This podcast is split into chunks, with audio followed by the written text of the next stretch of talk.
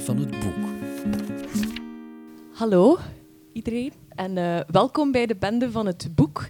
Uh, voor de mensen die al eens naar onze podcast hebben geluisterd, dat is eigenlijk de zin waarmee we altijd beginnen. En uh, ik zeg die meestal, dus de mensen die geluisterd hebben, die weten nu eindelijk het grote mysterie ik ben die persoon achter die stem. Uh, ja, welkom bij ons allereerste live-event. Uh, wij zijn Trace en ik ben Sarah. Dus we zijn Trace en Sarah. We zijn Trace en Sarah. We zijn duidelijk een beetje zenuwachtig, um, want we hebben dit eigenlijk nog nooit gedaan. Ja, dan gaan we gewoon beginnen. Hè. Korte inhoud. Het is een roman die zich afspeelt in de jaren 80 in Canada en begint met um, Sarah. Dat is een, jonge vrouw, die is uh, zilversmid en zij krijgt een brief thuis. Maar in het begin weet je eigenlijk nog niet zo heel goed uh, waarover gaat die brief. Uh, maar dat heeft wel ja, een impact bij haar. Um, dat brengt eigenlijk een dilemma met zich mee. Een werkdilemma. En ze vlucht daar eigenlijk een beetje van weg. Ze pakt haar auto en ze rijdt naar het noorden. Uh, dat is in februari, dus het is wel nog koud, denk ik, op dat moment. Uh, maar dat houdt haar niet tegen. Ze rijdt gewoon naar het noorden, naar het meest noordelijke punt dat ze kan. Dat is 40 mile, uh, ja, ook in Canada. Want als je in Canada naar omhoog rijdt, dan ben je nog altijd in Canada. Um, en daar komt zij dan aan, na een volledige week rijden. Ik vind dat dat al ongelooflijk ver klinkt. Ik vind twee uur in de auto zitten eigenlijk al lastig. Um, maar zij komt dus aan in dat noorden, in een klein stadje. Um, dat stadje is ook een soort van winterslaap, want dat is eigenlijk een seizoenstad. Uh, in de zomer uh, komt daar heel veel uh, ja, zomermensen, noemen ze die. Die komen daar avontuur beleven, goud zoeken ook. Maar in de winter is dat eigenlijk een beetje een verlaten stad. Die, die die een fractie is van, van het volk ook dat daar in de zomer is. En zij komt daar aan en zij stapt meteen binnen in de, de winkel van Mary. En dat is dan ook zo het enige winkeltje in, de, in het dorp eigenlijk. Um, en ja, zij vraagt eigenlijk daarvan... Ja, ik, ik kom hier. ik kom hier om na te denken. En op een of andere manier uh, ja, blijft hij dan logeren bij die Mary en dan wordt ze zo wat geïntegreerd in dat dorp. Uh, ze leert daar meteen ook twee jonge mannen kennen. Uh, Jacob en Adam leert ze daar kennen. Die geven dan ook een optreden. En ja, eigenlijk komt het erop neer dat na een week is zij al helemaal ja, soort van opgenomen in die gemeenschap. Um, ontstaat er ook een soort van romance met die Adam. En dan is haar dilemma opgelost en gaat ze terug naar huis. Dat is eigenlijk het eerste, het eerste deel van die roman. Mm. Maar dan gaat die, die, um, ja, die roman gaat het dan eigenlijk verder vanaf daar. En je ziet die romance tussen uh, Adam en, uh, ik ging zeggen Eva, maar dat klopt niet. Dat is een ander boek. dat, is een, dat, is een, dat, is een, ander boek. Tussen Adam en Sarah zie je dan zo wel wat ontluiken, maar die komen ook wel heel wat moeilijkheden tegen. Het is ook een soort van op- en afgaan tussen eigenlijk dan Noorden en dan de stad waar Sarah woont. Um, en tegelijk, uh, met die romance, leer je ook Mary kennen, die dus de vrouw van de winkel is. En hoor je een beetje over hoe dat, wat dat haar geschiedenis is. Um, daar was, zij, had ook, zij is net haar man verloren een aantal jaar daarvoor in een berenaanval. Maar dan door dat verhaal van uh, Sarah en die Adam en ook Jacob, allee, ontdek je wat dat verhaal is dat een aantal jaar daarvoor, allee, een tiental, twintigtal jaar daarvoor eigenlijk uh, gebeurd is. Um, ik ben waarschijnlijk nog heel veel dingen aan het vergeten. Hè? Ja, maar ik denk voor een korte inhoud dat was dat, dat, al, dat was kort genoeg? Ja, okay. denk het wel. Ja. Feitjes. Oké, okay, um, de feitjes. Uh, dus we hebben het al een paar keer gezegd. De auteur is inderdaad Sien Volders. Ze is geboren in 1983. Um, het, ze woont en werkt in Gent. Ze heeft kunstgeschiedenis, antropologie en religie um, gestudeerd. Religiestudie. religiestudie. inderdaad, religiestudie studeren klinkt nogal belachelijk. Ja, dus religie bestudeerd. Zwat. Uh, dat vonden wij wel interessant, omdat je dat ook wel merkt in het boek. Um, er komt bijvoorbeeld... Uh, kunst staat heel centraal in het werk. Ze is zelf kunstenares, want ze is juwelenmaakster. Ook, um, dat ga ik wel al spoilen, denk ik, Mary van de, van de winkel. Dat is eigenlijk ook een kunstenares. En um, er, kom, er, is ook heel veel aandacht voor de, de, oorspronkelijke inwoners van dat noordelijk gebied uh, waarover het, het, boek eigenlijk gaat. Dus je, je merkt dat Sien wel degelijk weet waarover ze spreekt in het boek. Um, het is, ze, ze is, uh, het is iemand die niet stilzit. Ze is ook interieurvormgeefster. En we hebben een filmpje gevonden waarin je Sien Volders een trap ziet schuren. Um, ja, dat vond ik een superleuk filmpje. Ja? Um, ja, omdat ze, ze, ze schrijft, maar tegelijk, ja, ze werkt eigenlijk voor een aannemer, waardoor ze soms een keer inderdaad een trap afschuurt of ja, ik weet niet, wat, wat doe je zo nog allemaal? Misschien tegeltjes zet of zo. Misschien, misschien ook. En dan vertelt ze ook in dat fragment van ja, eigenlijk doe ik dat omdat dan mijn hoofd helemaal vrij is. Omdat je dan eigenlijk kunt nadenken, bijvoorbeeld over, eh, ik weet niet, over een verhaallijn of over een personage, terwijl dat je handen iets helemaal anders aan het doen zijn. En ik vond dat wel leuk. Dat is zo niet het beeld van een schrijver die alleen maar zit en een stilo vast heeft, maar ook af en schuurmachine. dat vond ik wel mooi. Ja, ze zei het zelf. Het is een soort... eh, je kan gewoon niets anders doen dan nadenken als je een trap aan het schuren bent. Lijkt mij wel ehm, handig. Ehm, wat is nog allemaal interessant? Ehm, het boek is uit 2017. Het is haar debuut. En het is ook gebaseerd op een echte eh, persoon. Dus Sarah is een juwelenmaakster. Sarah Torun eh, is haar tweede naam en haar familienaam even kwijt. Iets Noors. Iets Noors. ja, ik kon het niet. Ehm, maar het is dus gebaseerd op een eh, Viviana Torun Bulo Hube, een Zweedse zilversmid. En ik heb die opgezocht. En toen was het voor mij wel duidelijk dat ik het eigenlijk, ik ga het weer al spoilen, dat ik het wel een goed boek vond, omdat die, die echte bestaande juwelenmaakster er echt uitzag zoals ik mij Sarah had voorgesteld. En de juwelen die in het boek worden beschreven, eh, die bestaan ook echt. Eh, er, komt, er is bijvoorbeeld een passage waarin er een, een halsketting wordt beschreven met drie stenen die op haar rug eh, hangen. En er is dus echt een foto van de echte juwelenmaakster met die halsketting.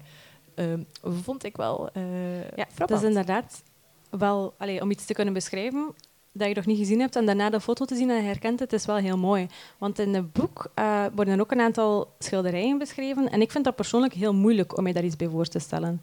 Maar dus, ja, misschien ben jij daar getalenteerder in dan ik, Sarah. Eh, dank u. Ehm, ik weet niet... Maar ja, ik ging nog iets zeggen. ja, Ja, liefst, ja, ja. want we moeten nog sowieso. even door. We zitten hier nog even... Nee, maar daarover ging ik nog iets zeggen. Ehm daarnet toen we bezig waren over ehm ja, Sien Wolders en haar schuurmachine.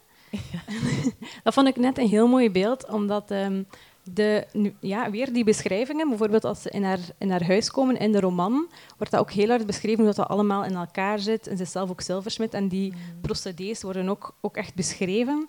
En je ziet dan, je, je voelt dan ook hoe dat zij eigenlijk net door te werken haar hoofd wat leegmaakt. Ja, absoluut. Het boek begint eigenlijk zo. Hè? Ja, inderdaad.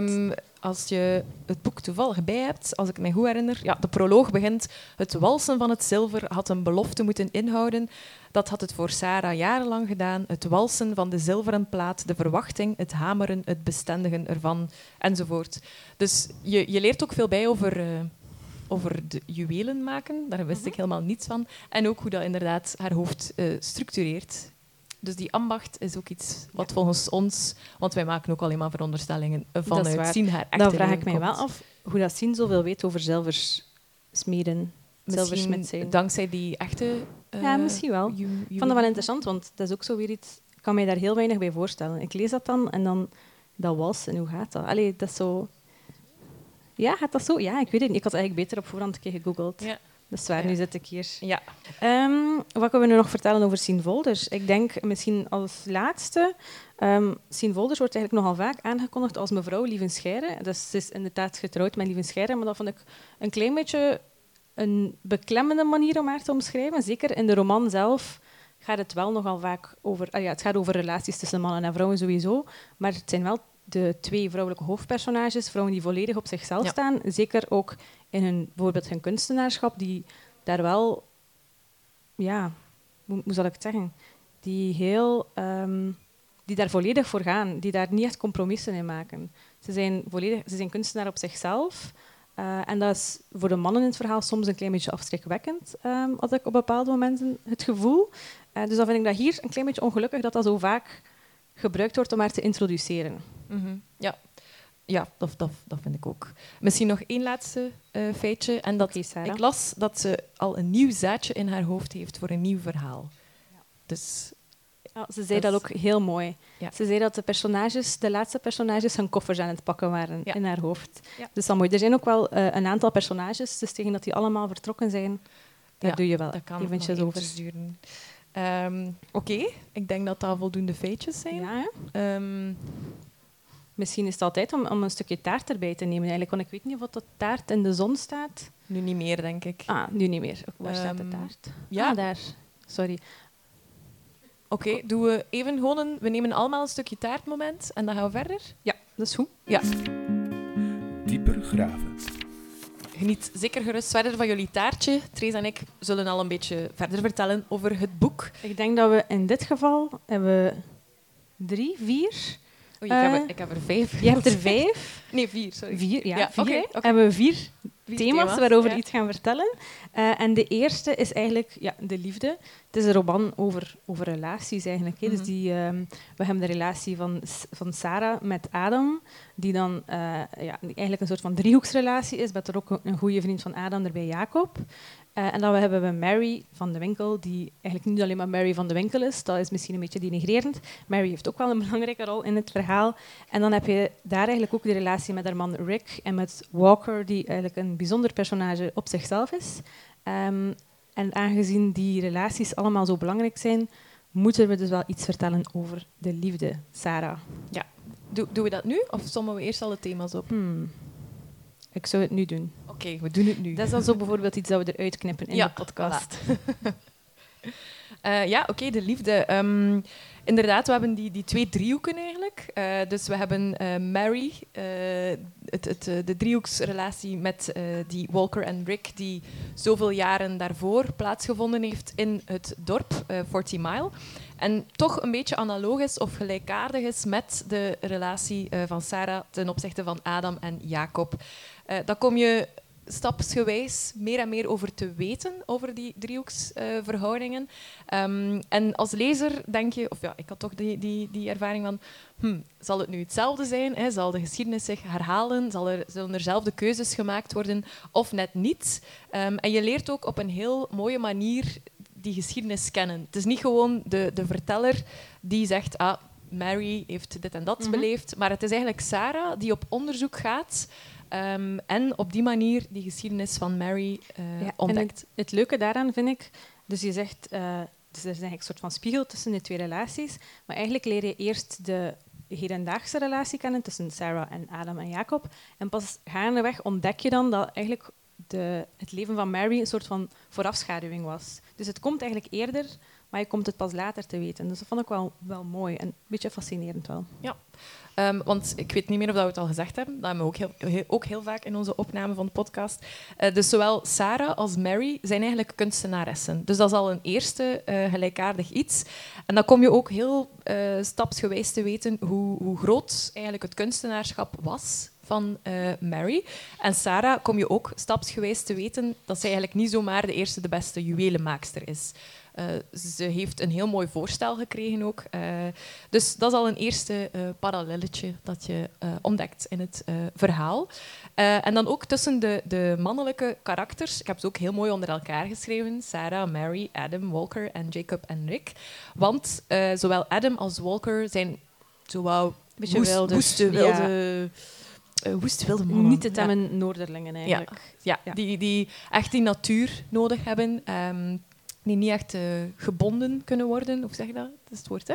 Die ook zo wel rondzwerven. Die ook eh, leven volgens de seizoenen. Ehm, en dan heb je Jacob en Rick. Die, Die iets van- rationeler zijn. ja, inderdaad. Iets rustiger. Een soort van getemde versie eigenlijk. Eh, en die zijn, dat zijn ook wel mannen die zo van het noorden houden en daar wel weet je daar ook echt een leven hebben, maar daarom niet. Die kunnen wel functioneren in een menselijke context. Of klinkt het dan te erg? Nu. Oké, Ja. die functioneren in een menselijke context. Ja, voilà. Eh, want dat is wel heel belangrijk in het boek. Ehm, dus, dus het 40 Mile, het stadje, is eigenlijk, een, eh, is eigenlijk niet zo'n gemakkelijke plek om te wonen. Eh, het is een hele harde, koude winter. En dat wordt ook heel mooi geschetst. Die personages gaan daar ook allemaal anders mee om. Ehm, en, en dat komt terug in die karakters. Adam die vlucht eigenlijk een beetje in... Nee, een beetje niet, keihard. In de alcohol. Ehm, en dat maakt hem eigenlijk niet zo gemakkelijk om graag te zien. Om, om, om een relatie mee op Nee, te bouwen. Zeker. Ga- mag ik eerst iets meer zeggen over dat stadje misschien? Tuurlijk. Om zo de, de Dat context is te puntje schetsen. twee. Ja, dat is eigenlijk al puntje 2, maar het heeft zoveel te maken met puntje 1 dat ik het toch al ga doen. Omdat de, de omgeving en die stad is eigenlijk een soort van vierde personage. Allee, een vierde schakel in die driehoeksverhouding. Want als die, die mensen bijvoorbeeld op een makkelijke plaats gewoond hadden, neem nu dat die gewoon in Gent wonen of zo, dat, is, dat zou er helemaal anders uitgezien hebben waarschijnlijk. Ehm, dus die 40 Mile, dat stadje, is eigenlijk de meest noordelijke stad van, eh, van Canada. Of toch van, van die omgeving. Uh, omdat er gewoon noordelijker leven dan dat is eigenlijk niet mogelijk. Het is daar bitter koud in de winter. Uh, de enige reden dat die stad er eigenlijk is, is omdat er daar een goudader was vroeger. Dus er zijn heel veel uh, mensen naartoe getrokken om goud te winnen. Um, voordat die mensen er waren, waren er al de eerste bewoners. Dus dat is eigenlijk een soort van... Authentiek volk. Ja, ja, ja, die woonden daar dus allemaal. Die zijn dan iets noordelijker getrokken. En in de winter is het ook constant donker. In de zomer is het constant licht. Het is echt niet makkelijk om daar te wonen. Uh, en ze, het is ook gelegen aan een rivier. En die is ook bepaalde delen van het jaar niet begaanbaar, waardoor er dus eigenlijk geen, geen contact mogelijk is um, met de overkant. Um, en ik denk dat we daar een mooie passage over hebben, denk ik.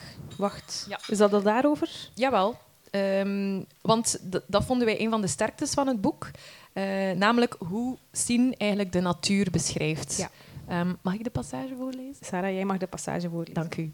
Um, dus het, de passage die we willen voorlezen is helemaal in het begin van het boek. Dus Sarah is juist aangekomen in het stadje um, en ze gaat een eerste wandeling maken in de natuur. dus ik ga beginnen met voorlezen. Hè. Uh, ze zwaait haar rugzak op haar rug en begint te wandelen. De hoofdstraat uit in de richting van de samenvloeiing van de twee rivieren. Ze daalt de oever af naar de waterlijn. Grijze ronde keien en hoekiger grind in de bedding onder haar voeten. De kleine rivier die uit het zuiden komt, is bijna helemaal ijsvrij, op de vuile randen aan de oevers na. Bij de grote rivier, die van oost naar west stroomt, is het geraas luider. Massieve brokken ijs liggen aan de kant geduwd tegen elkaar te schuren. Schotsen botsen tegen opnieuw vastgevroren stukken verderop in de rivier. Het kolkt en trekt, schraapt en bonkt. Het water grijsbruin door de omhoog gewoelde bodem. Onbegaanbaar, onbevaarbaar brult de rivier in ijs en steen en maakt de Noordoever onbereikbaar. Schoon, hè? Alleen bedoel. Ja, mooi. Maar ook een klein beetje... Ja, dat toont al hoe onherbergzaam dat daar eigenlijk is. En de mensen daar die zijn ook een beetje zo. Die zijn ook uh, iets ruiger in de omgang en ook ja, iets geslotener eigenlijk. Dus heel die, dat stadje is eigenlijk gericht op overleving. Als je, er zijn bijvoorbeeld een aantal passages die zich in de winter afspelen en dan ja, zijn er gewoon zaken als ja, alles is dichtgesneeuwd. Uh, bepaalde zaken zijn ook niet meer voorradig, omdat die gewoon niet meer geleverd kunnen worden. Alles, alles is dicht. Um, in de winter is er ook maar één café open in de stad, dat is de Tavern. En daar is iedereen dan ook heel, dat is heel die scènes daar zijn heel wild. Uh, er wordt veel gedronken, want er is ook niet echt iets anders te doen. In de winter kan er niet gewerkt worden. In de zomer wordt er hard gewerkt, in de winter eigenlijk niet. En dat is dus allebei die periodes zijn echt een tijd van, van overleven. Dus de mensen die in die stad wonen, zijn ook echt overlevers. Um, dus dat is dan die, die Adam en Jacob, die, die wonen in de stad. Uh, en dan Mary, Walker en Rick, uh, die zijn ook allemaal vandaar. En net omdat je dat door Sarah haar ogen eigenlijk ziet, zie je van hoe uitzonderlijk dat veel van die dingen zijn. Uh, en dan hebben Sarah en Adam eigenlijk ook een, een beetje elk een andere kijk op die natuur. En dat is wel heel heel fascinerend om te zien. Um, ik heb daar ook... Wacht hoor. Ik ga even bladeren in mijn boek. Het is eigenlijk een passage die maar een paar pagina's verder is dan de vorige, maar het beschrijft heel mooi uh, die verschillende blik die zij hebben op die omgeving. Sarah gaat op haar knieën zitten en gebaart naar het noorden. En daar is dan niks, daar is alles, alleen geen mensen. Hij ziet hoe ze onder de indruk is. Hij praat over hoe dit was waar hij voor kwam, jaren geleden. God, Adam, het is gewoon te veel. Ze zegt dat het beangstigend is. Dat ze zich niet kan voorstellen dat iemand daarin zou trekken, zoals de pelsjagers ooit deden, nog lang voor de goudzoekers kwamen. Helemaal alleen die noordelijke wildernis in. Geen weg en dus ook geen weg terug. Dat het zo leeg is, zo godverdomd leeg. Als je vanuit het zuiden komt, zijn er tot aan Whitehorse nog stadjes, dorpen, losse boerderijen. Daarna stopt het. Dat er alleen 40 mile is en dat het dan ophoudt, is gewoon eng. Dit is machtig, duizend keer groter dan ik me kon inbeelden. Maar alles in mij schreeuwt dat ik liever nu naar beneden ga, terug dat stadje in, vergeten hoe groot het is. Adam wijst naar de horizon. Het houdt niet op, zegt hij zacht. Het wordt mooier. Dus dat vind ik wel heel sprekend voor... Uh, uh, Sarah komt natuurlijk, die, die komt uit de stad, die is dat helemaal niet gewoon. Voor haar is Forty eigenlijk al het, wild, het wildste, hè? het wildste van de natuur, het verste dat ze zou willen gaan. En dan voor die Adam is dat eigenlijk nog niet genoeg. Die wil eigenlijk nog noordelijker gaan, nog, nog verder weg. Uh, die is ook heel nieuwsgierig naar die, die eerste bewoners. Um, dat is iets wat we nog niet echt aangehaald hebben, maar Adam is eigenlijk muzikant.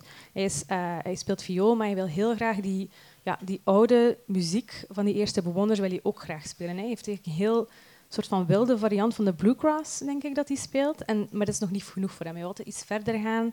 Uh, die scènes waarin dat beschreven wordt, hoe dat hij dan op die viool speelt, zijn ook heel, heel wild. Die gaat er echt helemaal in op. Sarah is dus van de stad. Die gaat ook terug naar de stad. En voor haar is dat een soort van thuiskomen. Maar voor Adam is dat iets heel eng. Ja, misschien even duiden. Um, dus Sarah keert inderdaad terug naar Vancouver, van waar ze, waar ze woont en werkt. Um, omdat die, dat, werk, de, de, dat vraagstuk rond uh, die jobaanbieding... Uh, ja, Ik weet niet, hebben we het eigenlijk al goed over dat job... Die... Nee, het, nee, dus het, het, het dilemma ze, heeft, dus ze is een onafhankelijke juwelenmaakster. Ze is vrij succesvol, maar ze krijgt eigenlijk een aanbieding van een soort, ja, hoe zeg je dat, een, een, een keten of zo, een, een juwelen, een luxe een iets keten, denk commerciëlere ik, ja. uh, juwelen. Ik ben niet thuis in juwelen. Ja, um, maar ik denk dat dat ongeveer samenvat. ja. Ze krijgt eigenlijk een soort van aanbod om haar bereik te vergroten door een collectie te ontwerpen voor eigenlijk de duivel in haar, in haar in hoofd. Haar hoofd ja. um, dus ze moet eigenlijk een soort van keuze maken. Uh, inboeten op haar integriteit, maar wel een groter bereik hebben. Of bezig blijven zoals ze is, maar wel... Ja, ja, want ze zou ook veel juwelen niet meer zelf hebben. maken, ja. ze zou ze enkel nog ontwerpen. Dus dat is haar dilemma. Dat is haar initieel dilemma waarom dat ze wegvlucht naar het noorden. Um, en dan gaat ze terug.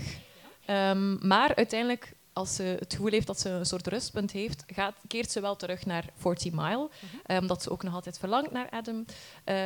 En uh, dan keert ze ook terug naar Vancouver, nadat ze elkaar hebben teruggevonden, um, leuke dingen hebben gedaan.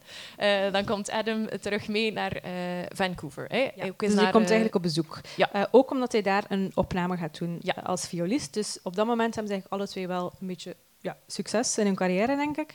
Dus hij komt uh, naar Vancouver. Uh, maar ik ga twee passages voorlezen. De eerste waarin Sarah eigenlijk thuiskomt in haar stad. Dus die, is, die woont in een stad, die is een, week of een paar weken op een volledig geïsoleerde plaats geweest. Uh, dat is haar reactie. En dan um, ja, een paar hoofdstukken verder komt Adam dan ook op bezoek in Vancouver en dat is iets helemaal anders. Voor de weg terug kiest ze precies dezelfde route als op de heenreis. Ze maakt er een punt van in dezelfde motels te slapen, te stoppen bij dezelfde tankstations en dezelfde tafels te zitten. Als het oppikken van gevallen kledingstukken na een wilde nacht volgt ze haar spoor naar het beginpunt terug. Wanneer ze de bergen alweer vijf dagen achter zich gelaten heeft, begint de bewoning langs de wegen weer op te rukken. De verspreide boerderijen, de voorsteden en de shoppingmalls als kleine druppels die aanzwellen tot een stroom van artefacten en bouwsels die haar overspoelt en verrukt. Wanneer ze het historische centrum van de stad nadert, versnelt ze in plaats van te vertragen. Ze rijdt tot aan het drukste marktplein, laat haar auto achter op de eerste de beste lege plek en loopt de mensenmassa in. Voor haar is dat echt een soort van, van thuiskomen eigenlijk. Uh, en dan hebben we dus Adam die dezelfde route doet. Het einddoel van de reis maakt hem nerveus. De stad. Een grote stad, voor het eerst in jaren. De opnames waarvoor hij gevraagd is, een paar lijnen op een plaat van een bluegrass coryphee. Tegen betaling, op Willy's voorspraak. Daar gaat hij dan. Mogen meespelen is de bevestiging van zijn kunnen die hij al lang zoekt. Op de platenhoes zal zijn naam prijken. Trots en afkeer spelen haasje over in zijn buik. Het platenlabel blinkt uit in afgelikte country. Zijn vioollijnen zullen gepolijst worden tot ze nog amper als de zijne klinken. Hij wordt een huurling in een studio. Het staat mijlen ver van het zweet en de zindering van een live publiek. Mensen die op een armlengte meedijnen, meebrullen, zich geven, zoals hij zich ook geeft en geeft en geeft. De stad in Sarah. Al de hele herfst en winter bestaan hun momenten samen slechts op papier. Haar brieven die hij bij Mary ophaalt, zijn brieven die hij bij Mary verzendt. Nee, ja, ik vind het klopt inderdaad. Uh, zoals we daarnet al zeiden, uh, die, die stad uh, versus die natuur is zo dominant ook in die twee personen hun zijn. Ze zitten ergens met eenzelfde vraagstuk, want ze hebben alle twee een, een soort kans om hun werk te professionaliseren, maar door hun context en door hun achtergrond gaan ze er gewoon anders mee om. Ook wanneer Adam dan bij uh, Sarah in de stad is en ze, ze gaan naar een gezamenlijk feest en zo, zie je dat Sarah in haar sas is. Ook al is ze niet helemaal akkoord met hoe die, die keten van juweliers uh, werkt en hoe zij alles aanpakken, toch is dat haar ding. Het is haar, het is natuurlijke omgeving. Um, en dat maakt het inderdaad interessant, want plaats die mensen in een andere stad of een ander gebied en je hebt een ander verhaal. En dat vind ik ook bewonderenswaardig voor iemand die uh, in Vlaanderen woont, om jou helemaal als lezer te overtuigen van, van dat gegeven. je, je, je krijgt eh, de natuur mooi beschreven. Je krijgt ook het feit dat de mensen in, dat, in, die, in eh, 40 Mile zo vereenzaamd en zo'n hard bestaan hebben, komt heel geloofwaardig over. Ja, ik denk dat een personage zoals Adam, maar bijvoorbeeld ook Walker, dat die eigenlijk die kunnen eigenlijk niet echt ergens anders bestaan. Ehm, Walker nog meer dan Adam, want dat is iemand die echt, echt in de natuur leeft. Die heeft eigenlijk een, een trapline in het noorden, dus die, ja, die heeft daar zijn, zijn vallen uitstaan. Dat is echt een, een echte jager eigenlijk, zoals die we hier niet echt kennen. Ehm, en die, die heeft zelfs geen huis, denk ik. Die, Nee, ik ging die het trekt zeggen, echt van, van hut naar hut. Eh, je komt die ook alleen maar tegen eh, op, een- op wandelingen, eigenlijk, zoals dat ze doen in, in, de, in de roman. En dat is, ja, dat is, dat is echt een vierde personage. En dat vind ik heel, heel mooi daaraan. Ehm, misschien dan als we iets verder gaan in het boek. Als we, we, gaan, we gaan niet alles spoilen. Hè. Ehm, Ik ben heel benieuwd wat je nu gaat zeggen. Als we Jacob volgen, want nu zijn we constant nog bezig over Adam, maar Jacob die, die neemt wel een even grote rol in. Eh, die heeft een iets andere verhouding tegenover de stad en de natuur. Hij zit er zo wat tussen. Dus hij verlaat ook 40 Mile op een bepaald moment, want het is gewoon heel moeilijk. In de, in de zomertijd is het wel aangenaam, is het wel mooi. Je hebt die natuur, eh, je hebt eh, al die mensen die op bezoek komen, die tijdelijke, Mhm. tijdelijke bezoekers. Maar uiteindelijk gaat hij ook weg. Gaat hij Ja. naar Timister. Eh, dat is een, een, een dorp nog altijd, maar het is iets meer beschaafd. Ja, hè. Er inderdaad, een- dat ging ik ook zeggen. Beschaafder.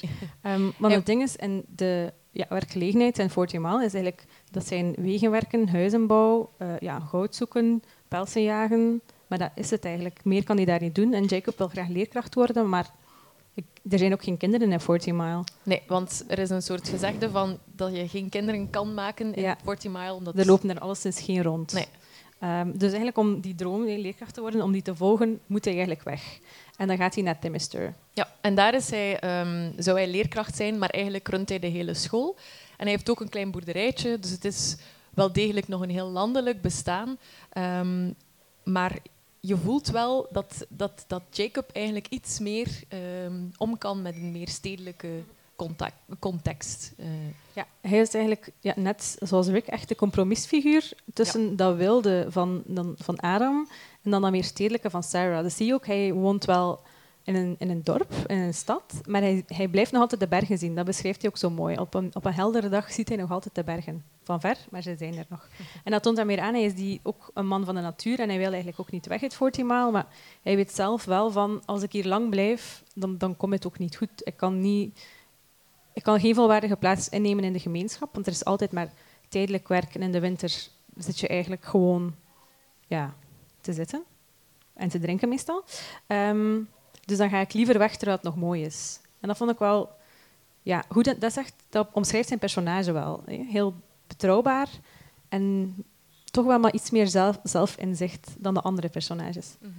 Eh, ja, en wat je daarnet ook zei, hij komt dan overeen met die, die Rick. Rick is dan eigenlijk het, eh, de, de, de, de man uiteindelijk, waar Mary voor gaat. En hij is een beetje hetzelfde figuur. Hè. Hij is ook een, een betrouwbare, iets rustigere man. Zij hebben dan ook een relatie. Ehm, en Walker die blijft rondzwerven in de, de bossen eh, rond 40 Mile. Dat mogen we wel zeggen. Hè. Ja, dat Ik heb het ook gezegd, hebt dus het al is gezegd, daar hebben we, kunnen niet knippen. De mensen hebben het gehoord. Oké, ehm, misschien nog eventjes iets over die communicatie, die tijdsgeest. Trace liet al vallen dat er nog cassettes worden afgespeeld. Dus het boek begint in de jaren tachtig. Ehm, en eh, in mijn hoofd was ik dat al heel snel vergeten. Want eigenlijk de thematiek eh, zou ook, het zou perfect ook vandaag kunnen, maar dan door kleine anekdotes word je teruggebracht naar die tijd. Bijvoorbeeld cassettes. Toen ik klein was, heb ik nog cassettes gehad van Samson en Gert. Eh, en Get Ready ook nog, herinner ik mij. Ah, die had ik al op cd. Eh, Ja, kijk, voilà, ik niet, maar ik ben iets ouder, hè, dus dat, dat zal dat zijn. Ehm, maar dat maakt het wel leuk. En bijvoorbeeld ook het, eh, de brieven schrijven is ook iets dat, dat die communicatie tussen al die personen zo vertraagt, Ja. maar ook iets heel leuk geeft. Er is, er is ook één iemand in 40 Mile in het dorp, en dat is een dove man.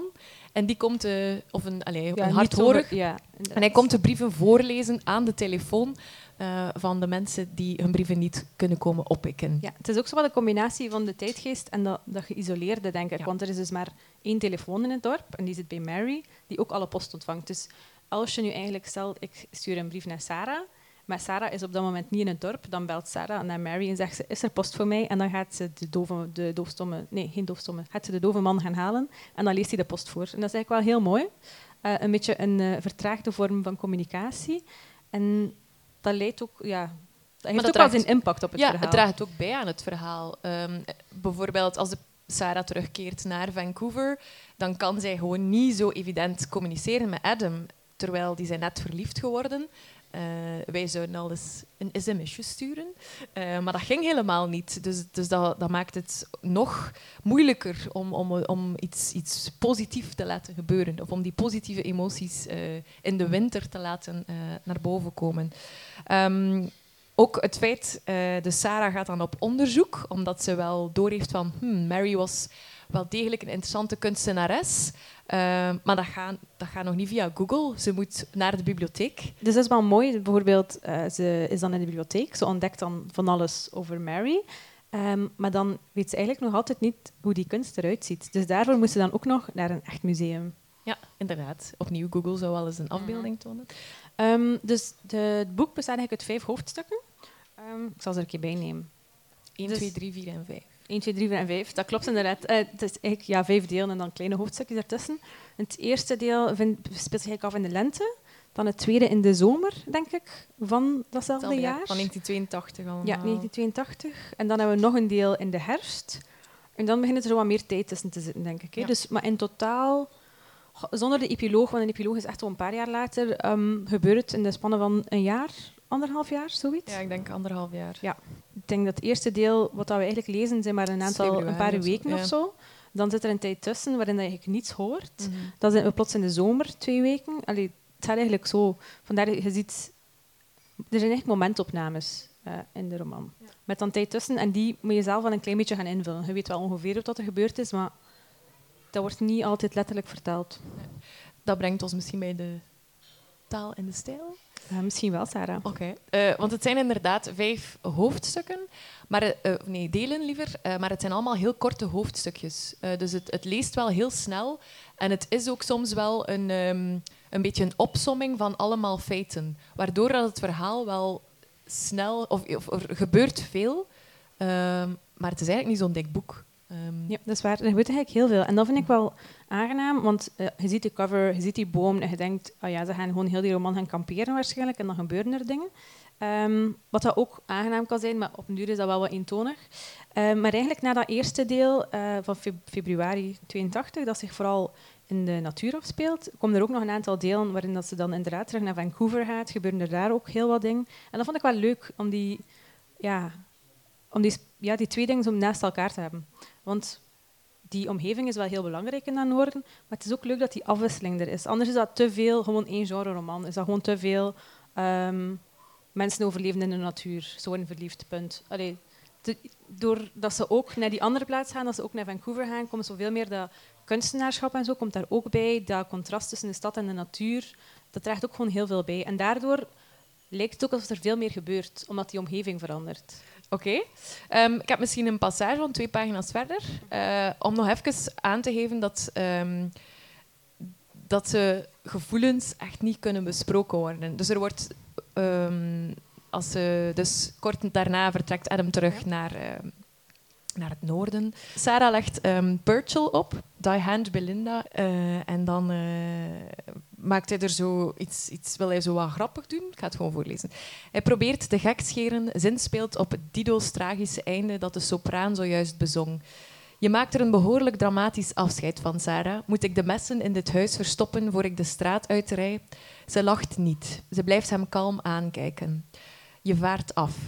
Ik rijd terug naar het noorden, dat is alles. Je vaart af, herhaalt ze, en dan kijkt ze weg.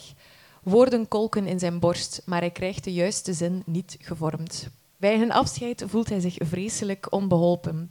Sarah zit op de trap met de armen om de benen geslagen, het hoofd schuin op de knieën. Hij pakt zijn zware laarzen en trekt ze aan. De haren blijven achter, kleiner, eenzamer, plots. Zijn pick-up start schuddend. Sarah staat in de deuropening, haar wollen vest stevig om zich heen trekkend. Nog twee dagen zal hij geen noodmuziek kunnen verdragen. Ja, dat toont weer heel hard aan dat zij elkaar wel graag zien, maar ze totaal niet in staat zijn om te communiceren daarover. Ja. ik vind dat wel nog leuk om dan als lezer zo te zeggen van kom aan, doe dat nu een keer. Ja, zeg het gewoon. Ja. Ja. ja. Weinig impact natuurlijk als ik dat zeg. De muziek. De muziek, Wilden we hè? nog ja. eventjes- ja. ja. ehm, het is wel leuk, achteraan ehm, de roman staat er nog een... ehm, Verantwoording. Een verantwoording, ja, dat is wel leuk. Alsof dat ze zich moet verantwoorden. Maar daarin wordt er eh, ja, zo wel aangehaald, waardoor dat ze zich liet inspireren. Eh, ik had ook nog een berichtje gekregen van iemand via Instagram die, die deze zomer het boek had gelezen. En dat was er echt een bladwijzer met zo alle muziek die eh, ja, relevant was voor het verhaal, eigenlijk, om daar naar te luisteren. Dus dat vond ik ook wel leuk. En dus we hebben enerzijds die muziek die Adam speelt, dus die, ja, bluegrass eigenlijk, eh, met zijn viool. Dan is er een vriend van Sarah die zo heel hard de punk speelt, die ook wel nog. En dan Adam laat zich daar ook zo nog wel in, in meegaan eigenlijk. En dan heb je dat, dat ene fragment van eh Die Hand Belinda, die, Ja. die heel mooi is. En eh, ik vind dat wel leuk als dat daarin voorkomt en ook als er achteraan dan nog een kleine, kleine tip staat om te beluisteren. Want dan, ik heb ze opgezocht, dus de fragmenten die Sien Volders heeft gebruikt als basis om die muziekstukken dan ook te beschrijven. En het klopt wel ook echt. Als je dan het, het fragment opnieuw leest en je luistert naar het stuk. Bijvoorbeeld ehm, eh, Jeff Buckley, die heeft ook ehm, dat fragment, ehm, eh, dus wat ik daarnet eh, citeerde van Purcell, ook gezongen ooit. En als je dat opzoekt, dan kan je... wat- Sien Volders dan beschrijft in het verhaal, het klopt gewoon. Eh, dus zoek het zeker eens op als je het boek zou lezen. Ja, over de stijl zelf. Ik vond dat eigenlijk wel heel leuk. Het boek leest super vlot. Ik weet nog dat ik erin begon ehm, op de trein. En na een korte treinrit, eh Kortrijk-Gent-Ampoort, zat ik toch aan pagina 46. En ik dacht, dat ging snel. Maar dat heb ik nog een tweede keer gelezen, om heel goed voorbereid te zijn voor vandaag. En dan zat ik tijdens dezelfde treinrit opnieuw aan pagina 46. Dat vond ik wel speciaal. Dan ben je een conse- consequente tempo eh lezer. Ja, Dat wil zeggen dat ik iets meer dan één pagina per minuut gelezen heb. Dus dat is wel, dat is wel snel eigenlijk. Hè? Eh, soms gaat dat toch trager. Ehm, en ik denk dat ik in totaal misschien vier dagen over het boek gedaan heb. Ja. ja, het is Het inderdaad... zijn heel korte eh, hoofdstukken heel kort, ook. ja, Wat ja. dat ideaal is als je altijd een hoofdstuk wil uitlezen voordat je stopt. Soms vreegt zich dat wel als dat lange hoofdstukken zijn. Ehm, over de stijl hebben we het al een klein beetje gehad. Dus de, eh, het is eigenlijk heel filmisch hoe dat ze schrijft. Hè. Je ziet heel veel van die scènes voor je. Dat kan, ja, die natuurscènes zie je voor je, maar dan beschrijving van kunstwerken, van die muziek en zo. Ehm, vind ik dat dat heel, heel beeldend is. Ja, absoluut. Je ziet het echt helemaal in je hoofd afspelen. Ook weer die natuur. Maar ook haar leven in de stad. Haar huis wordt ook heel mooi, of ja, heel mooi, heel eh, ja, uitgebreid beschreven, waardoor dat je wel een, een gemakkelijk beeld krijgt. En zo wordt het ook eh, op de, hoe zeg je dat? De binnenflap. De binnenflap, ja, dat is juist. Eh, Op de binnenflap staan er allemaal lovende woorden van ja. BV's. Ja. Ehm, ja, ik neem niet iedereen even serieus als het over literatuur gaat. Sorry, Filip Peters. Maar bijvoorbeeld als ehm, Peter Verhelst, die neem ik nu wel nog serieus als het gaat over, over literatuur. Die zegt zelf, filmisch proza, inzoomend op tintelende details, brengt Sien Volders naar plekken waar hij in de Nederlandstalige literatuur nauwelijks komt. En dat vind ik wel waar. De Vlaamse literatuur heeft soms wel wat de neiging om onder de kerktoren te blijven hangen. Niet altijd letterlijk, maar zeker in zijn, in zijn, ehm, in zijn thema's, in zijn thematieken, in zijn personages. En dit is echt... Allee, als, je daar een, je daar geen Sien Volders op gezet, maar een meer internationaal klinkende naam, dan ging ik me daar geen vragen bij gesteld Absoluut. Want gaandeweg vergeet je het zelfs bijna dat door een Vlaming is geschreven. Omdat de namen, de natuur, de steen, alles klopt zo. Eh, ook de taal. Ik had soms het gevoel dat ik gewoon een vertaald Engels boek aan het lezen was. Ja, je hebt nooit het gevoel van, oh, maar eigenlijk zitten we gewoon in Dardenne. Eh, nee. Die ook heel mooi zijn. Ja. Daar niet van. Eh, Ehm, Misschien wou ik wel nog iets zeggen eh, over haar schrijfstijl. ja. Ehm, ik vond het ehm, inderdaad, het leest vlot, het leest snel, maar soms vond ik het heel eenvoudig. Ehm, haar zinnen zijn ook vaak heel beschrijvend en heel kort, waardoor ik eh, het boek zeker niet zou aanraden omwille van zijn prachtige formuleringen of zo. Mhm. Of, of om, de, om supermooie woordkeuzes. Ja, dat is waar. Maar af en toe zit er dan wel zo een zin in dat ik denk, wauw, dat is wel echt...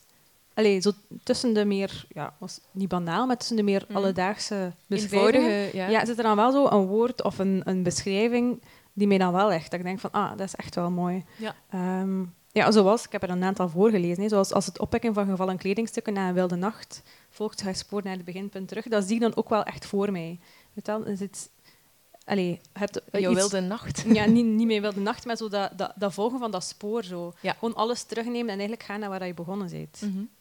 Dat vond ik wel mooi. Ja, oké. ehm, ik denk dat we... ehm, allee, dat we misschien op dat vlak dan ietsje van mening verschillen. Ik vind het wel degelijk een, een, een mooi verhaal, daar niet van. Maar haar schrijfstijl... allee, Het is heel hautain om te zeggen, maar ik vind dat je wel merkt dat het een, een debuut is. Ik had denk ik liever gehad dat ze ehm, misschien 100 pagina's meer had eh, geschreven, maar iets meer eh, tijd had genomen om haar bewoordingen, ik weet niet, bewuster te kiezen of zo. Eh, en ook om bepaalde dingen een beetje dieper uit te werken. Maar dat brengt ons eigenlijk al bij onze laatste rubriek. Finale oordeel. De belangrijkste vraag van een, over een boek is nog altijd, wat vond je ervan? Eh, je kan praten over allemaal thema's, over personages, maar het belangrijkste is, vond je het een mooi boek? Vond je het geen mooi boek? Ehm, zou je het aan iemand anders aanraden? Dat is ook een, een vraag die we altijd proberen te beantwoorden, en ook aan wie. Ehm, en was er bijvoorbeeld een hoofdpersonage, vond je die sympathiek, vond je die niet sympathiek? Het leukste deel is als je uiteindelijk gewoon zegt wat je van de roman vond, denk Mhm. ik. En zeker als je het niet met elkaar eens bent, wat dat wel eens gebeurt. Aha. Sarah, wat vond je van de roman? Ik was aan het wachten op de vraag. Ja, ik heb het daarnet al een beetje wegge- weggegeven. Ehm, ik heb het heel graag gelezen. Ik heb het ook heel snel uitgelezen. Ehm, maar zoals ik al zei, op sommige momenten was ik, had ik een beetje het gevoel van oei, waarom, waarom gebeurt dat hier nu? Of wacht, waar gaan we nu naartoe? Of van waar komt dat hier nu? Dus het, het, het web van het verhaal was voor mij niet haarfijn helemaal eh, uitgesponnen of zoiets. Eh, en ook qua haar stijl, zoals ik daarnet al aangaf, was ik niet overdonderd van wauw, zo mooi beschreven of zo. Maar ze had mij wel degelijk mee. Als, ik, ehm, als mijn trein dan aankwam in Brussel, vond ik het altijd jammer dat ik moest stoppen met lezen. Ik heb, en ik heb er ook heel veel plezier aan gehad.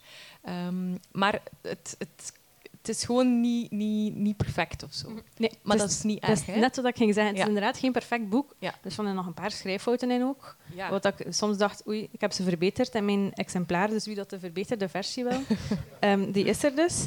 Ehm, maar het is wel een boek dat ik aan heel veel mensen zou aanraden. Wat dat, soms heb ik een boek waar ik zelf helemaal wild van ben. Maar Mhm. denk ik, wauw, Sarah kan ik het nog aanraden, maar misschien niemand anders dan dat. Ehm, maar dit is echt een boek dat ik met heel veel vertrouwen aan veel mensen zou zeggen, ja, echt lezen. Ja, net juist omdat het zo, van ja, het ja. leest super vlot. Ja. Het verhaal neemt u echt mee. Ehm, de hoofdpersonages zijn wel oké, denk ik. Wie vond jij sympathiekst? Oei, het sympathiekst. Ja.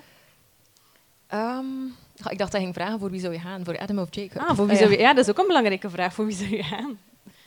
Ehm, oei, dat vind ik eigenlijk ook niet moeilijk. Mijn lief zit in de zaal. Ja.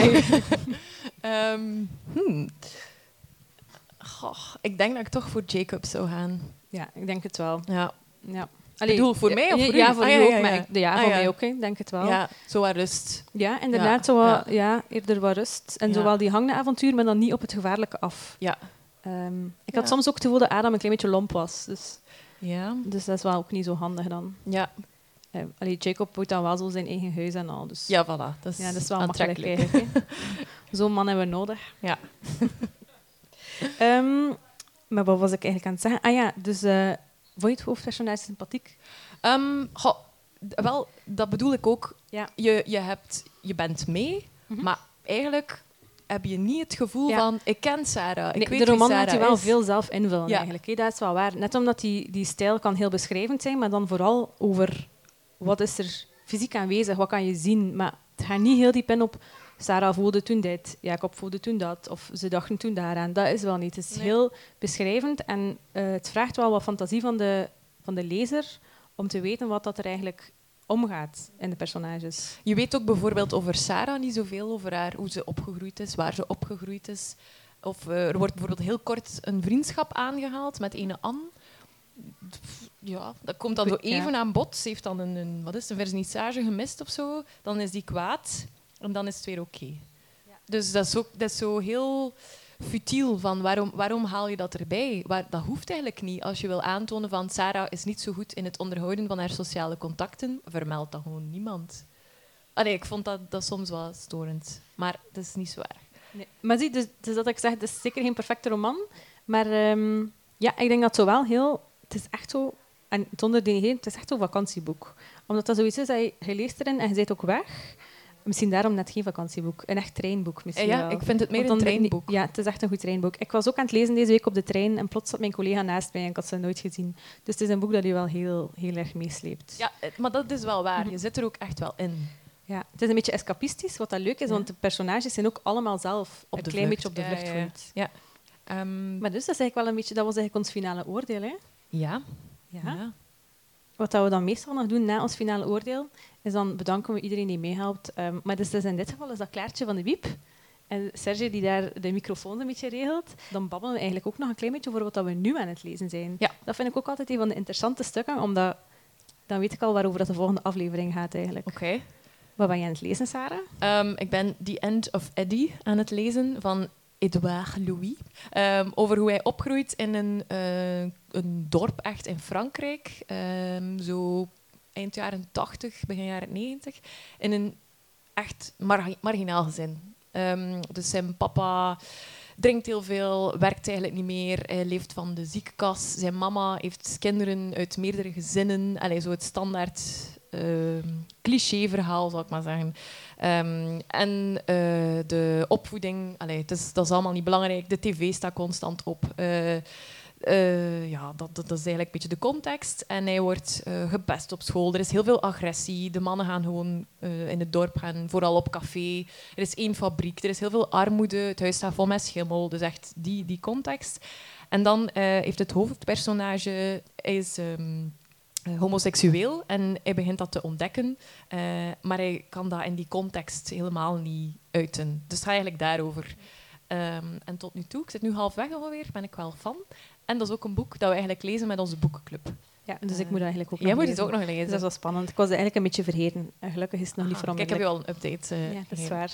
En dan ben ik ook nog altijd ehm, East of Eden aan het lezen van Steinbeck. Dat is wel echt zo'n kanjer. Dus dat is leuk om zo eh, af te wisselen. Ehm, maar heel mooi, heel mooi. Eh, en dat gaat over... Ja, ik heb het al zo vaak aan jou verteld. Ehm, dat gaat over eh, de Steinbeck. Eh, die is opgegroeid in ehm, Salinas. Dat is een... een ik kennen, de meeste mensen van jullie kennen misschien wel of Mice, of, of Mice and Men. Dus het is ook een beetje dezelfde thematiek. Twee families die opgroeien in die, die landbouwachtergrond, die een hard leven hebben. Maar het is eigenlijk analoog aan...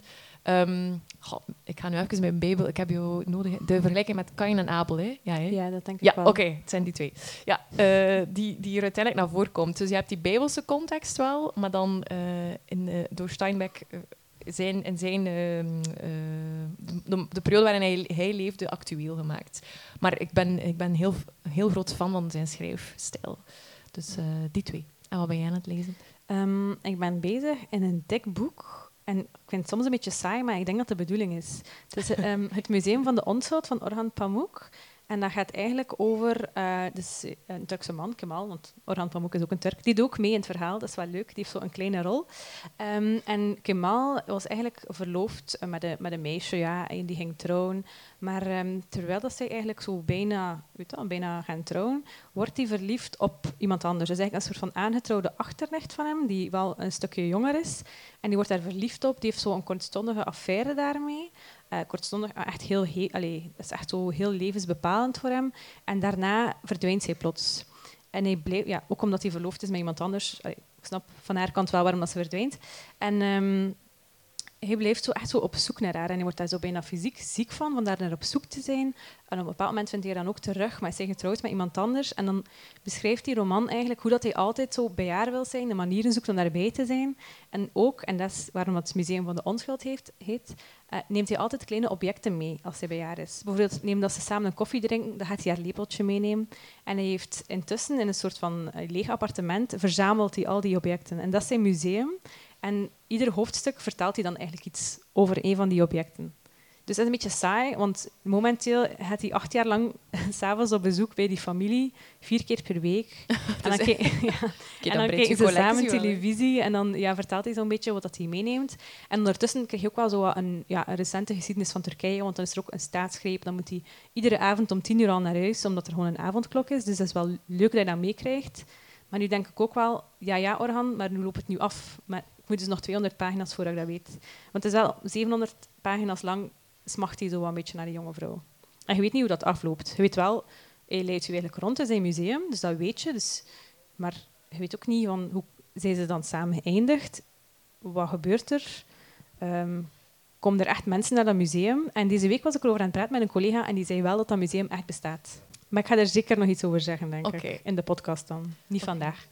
Oké. Dit was het over het Museum van de Onschuld. Ehm, en dan ga ik deze week, eh, denk ik, beginnen in mijn, ehm, mijn kerstcadeau, Sarah. Eh, het is van Jaap Robin en het heet... eh, het staat een beetje op de voorkant.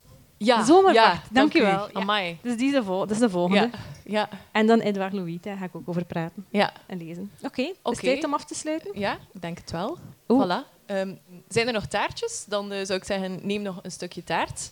Eh, Joren knikt van wel, dus neem nog een taartje. En ehm, ja, als jullie nog vragen hebben zonder een micro, dan kunnen die Ja. zeker ook beantwoord worden. En bedankt om hier te zijn eigenlijk. Super bedankt om hier Ja. te zijn.